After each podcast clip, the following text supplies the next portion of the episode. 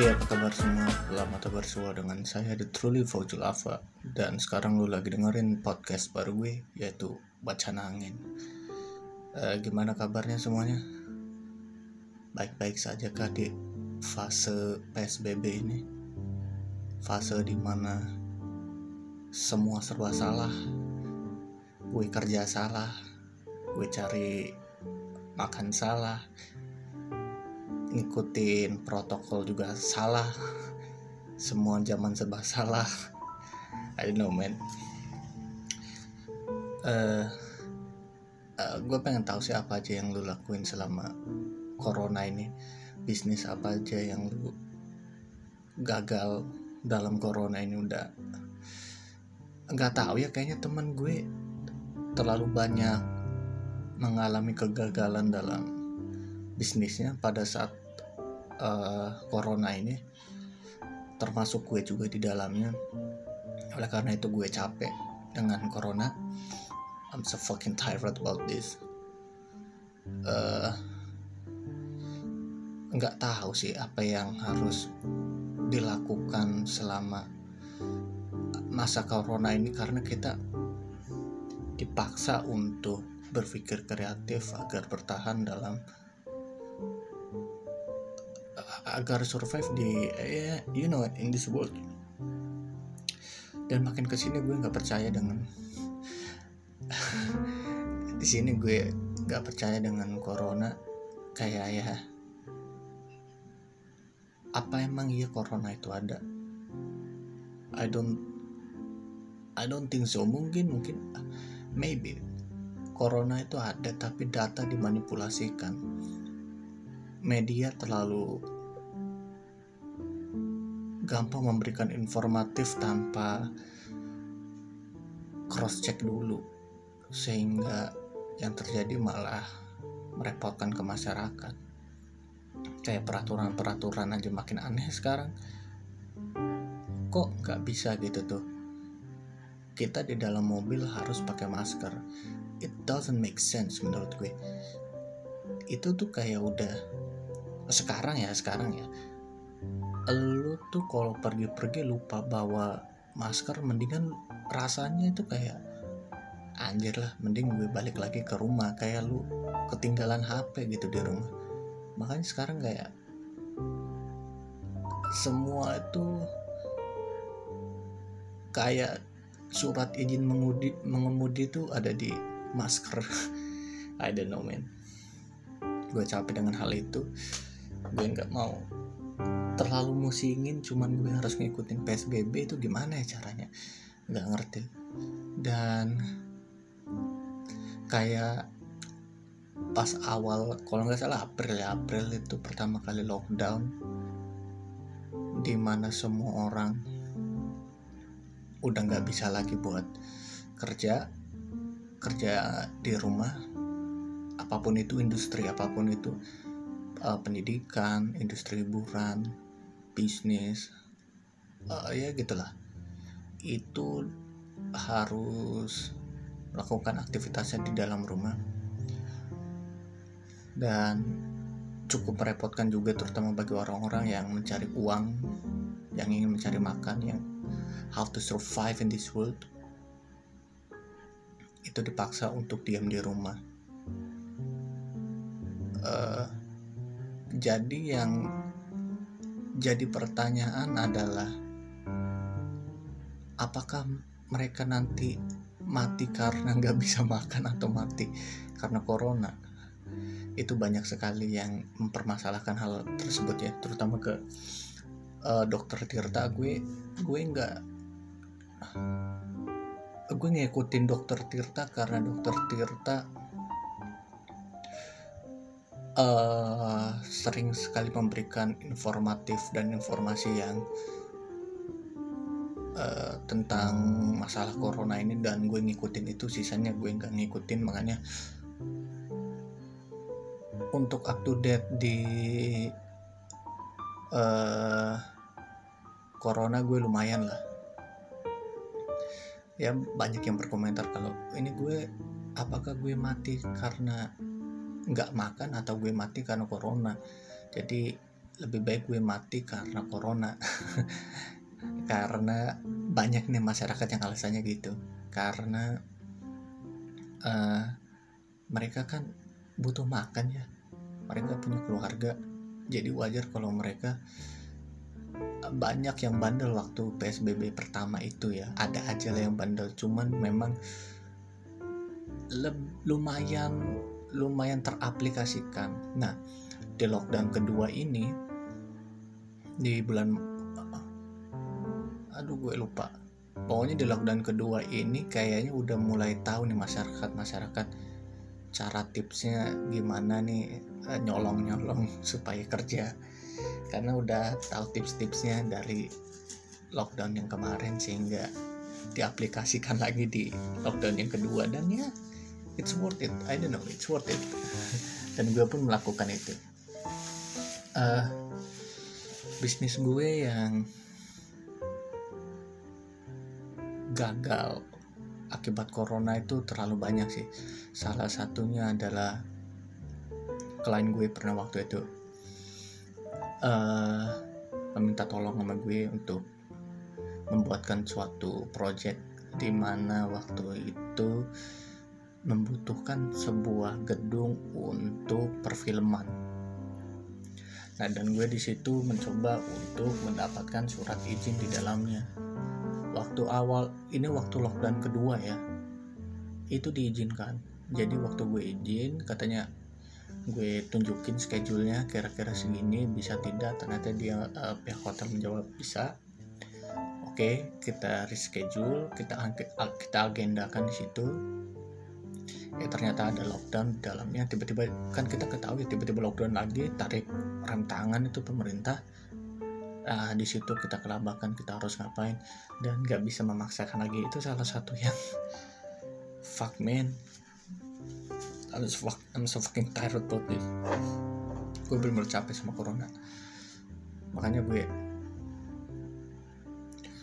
memaksakan diri untuk tidak apa-apa di era corona ini tapi nggak bisa juga alhasil malah gue terlalu banyak bacot di dalam pikiran sendiri sehingga otak gue terlalu banyak pikiran.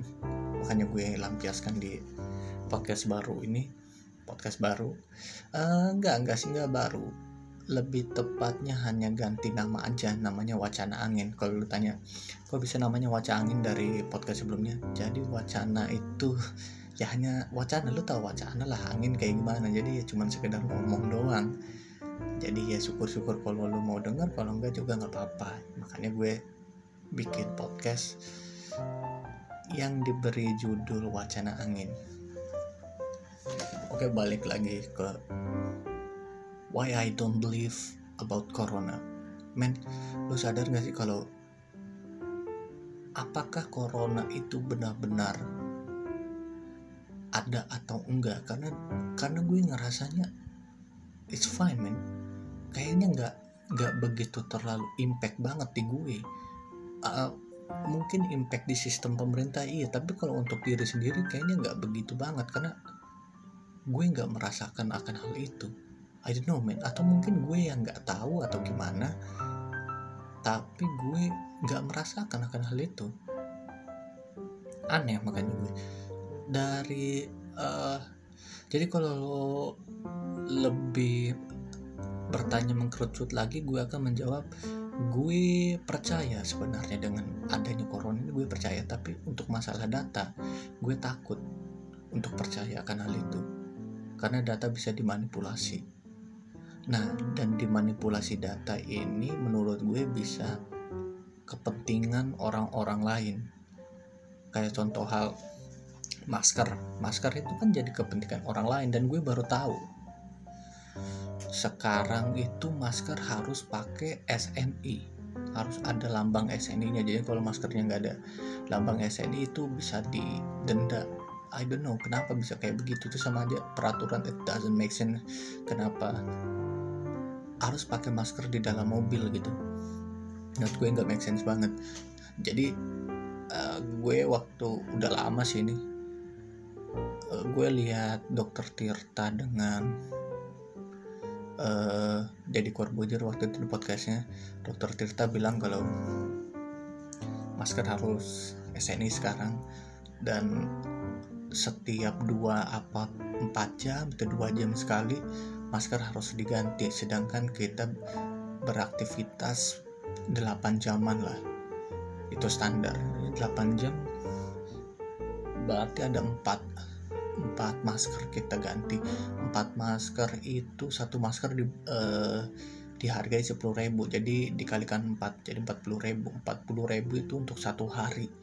Satu hari 40.000 dikali 30 gila enggak tuh? Jadi mak makanya mungkin masyarakat udah nggak percaya dengan corona. Ya karena mungkin ada kepentingan di dalamnya. Kayak apakah rapid test itu adalah salah satu contoh? Yes I think it's yes. Rapid test itu kan hanya pengujian reaktif lu bukan menguji apakah lu positif corona atau tidak.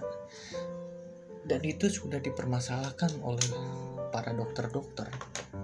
Begitupun dengan masyarakat awam. Apakah rapid test itu benar-benar teruji bahwa uh, kalau positif di rapid test berarti positif di corona. Enggak juga. Karena data-data ini luar biasa. Jadi ini kalau bagi yang nggak tahu ya. Jadi di kampung di desa gue itu ada satu keluarga bukan satu keluarga. Uh, jadi dia udah orang tua dua orang suami istri. Itu terkena corona. Konon kabarnya terkena corona. Jadi dia dibawa ke rumah sakit. Kebetulan orang tua ini orang tua ini kakek dan nenek ini uh, kakeknya adalah teman saya. Jadi dia bilang kalau waktu di tes rapid test itu dia positif.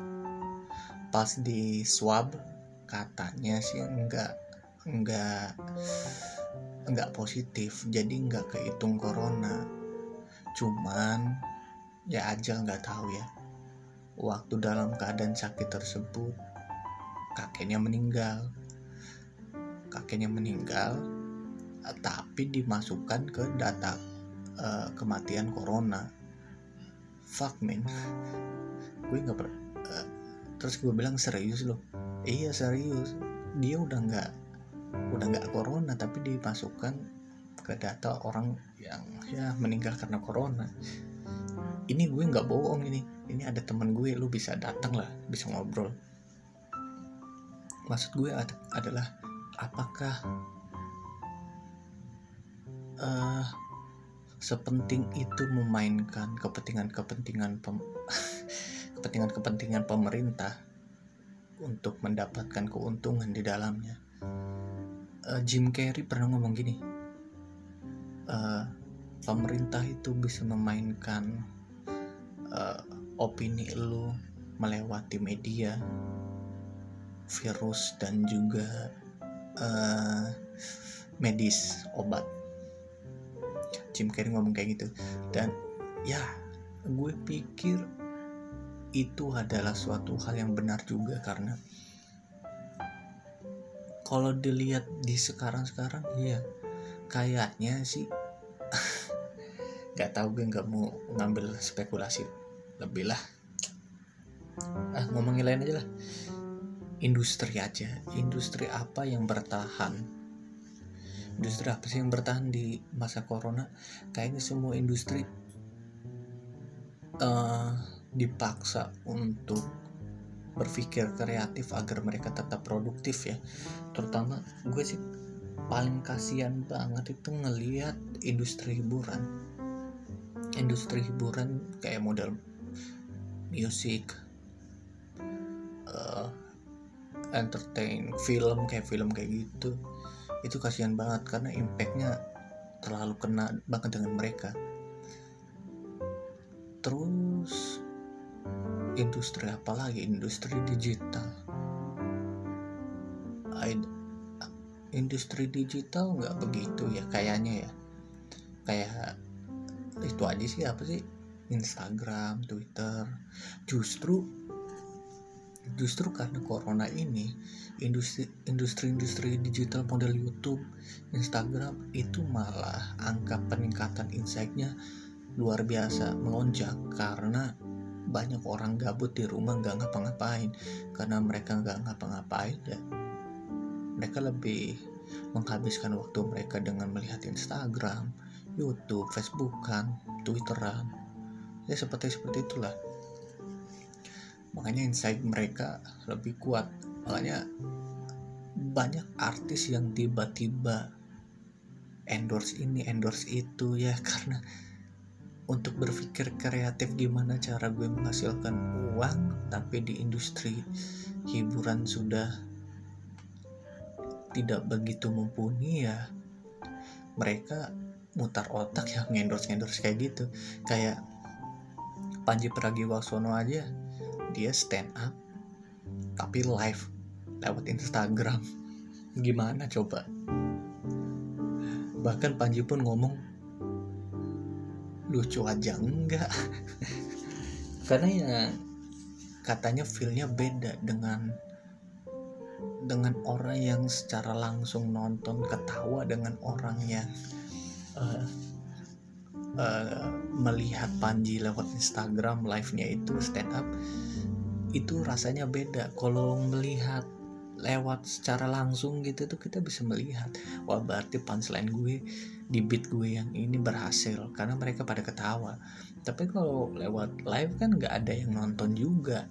Jadi kita nggak tahu ini lucu atau enggak makanya banyak sekali stand up comedy yang melakukan hal itu ya yang live di Instagram atau sebagainya.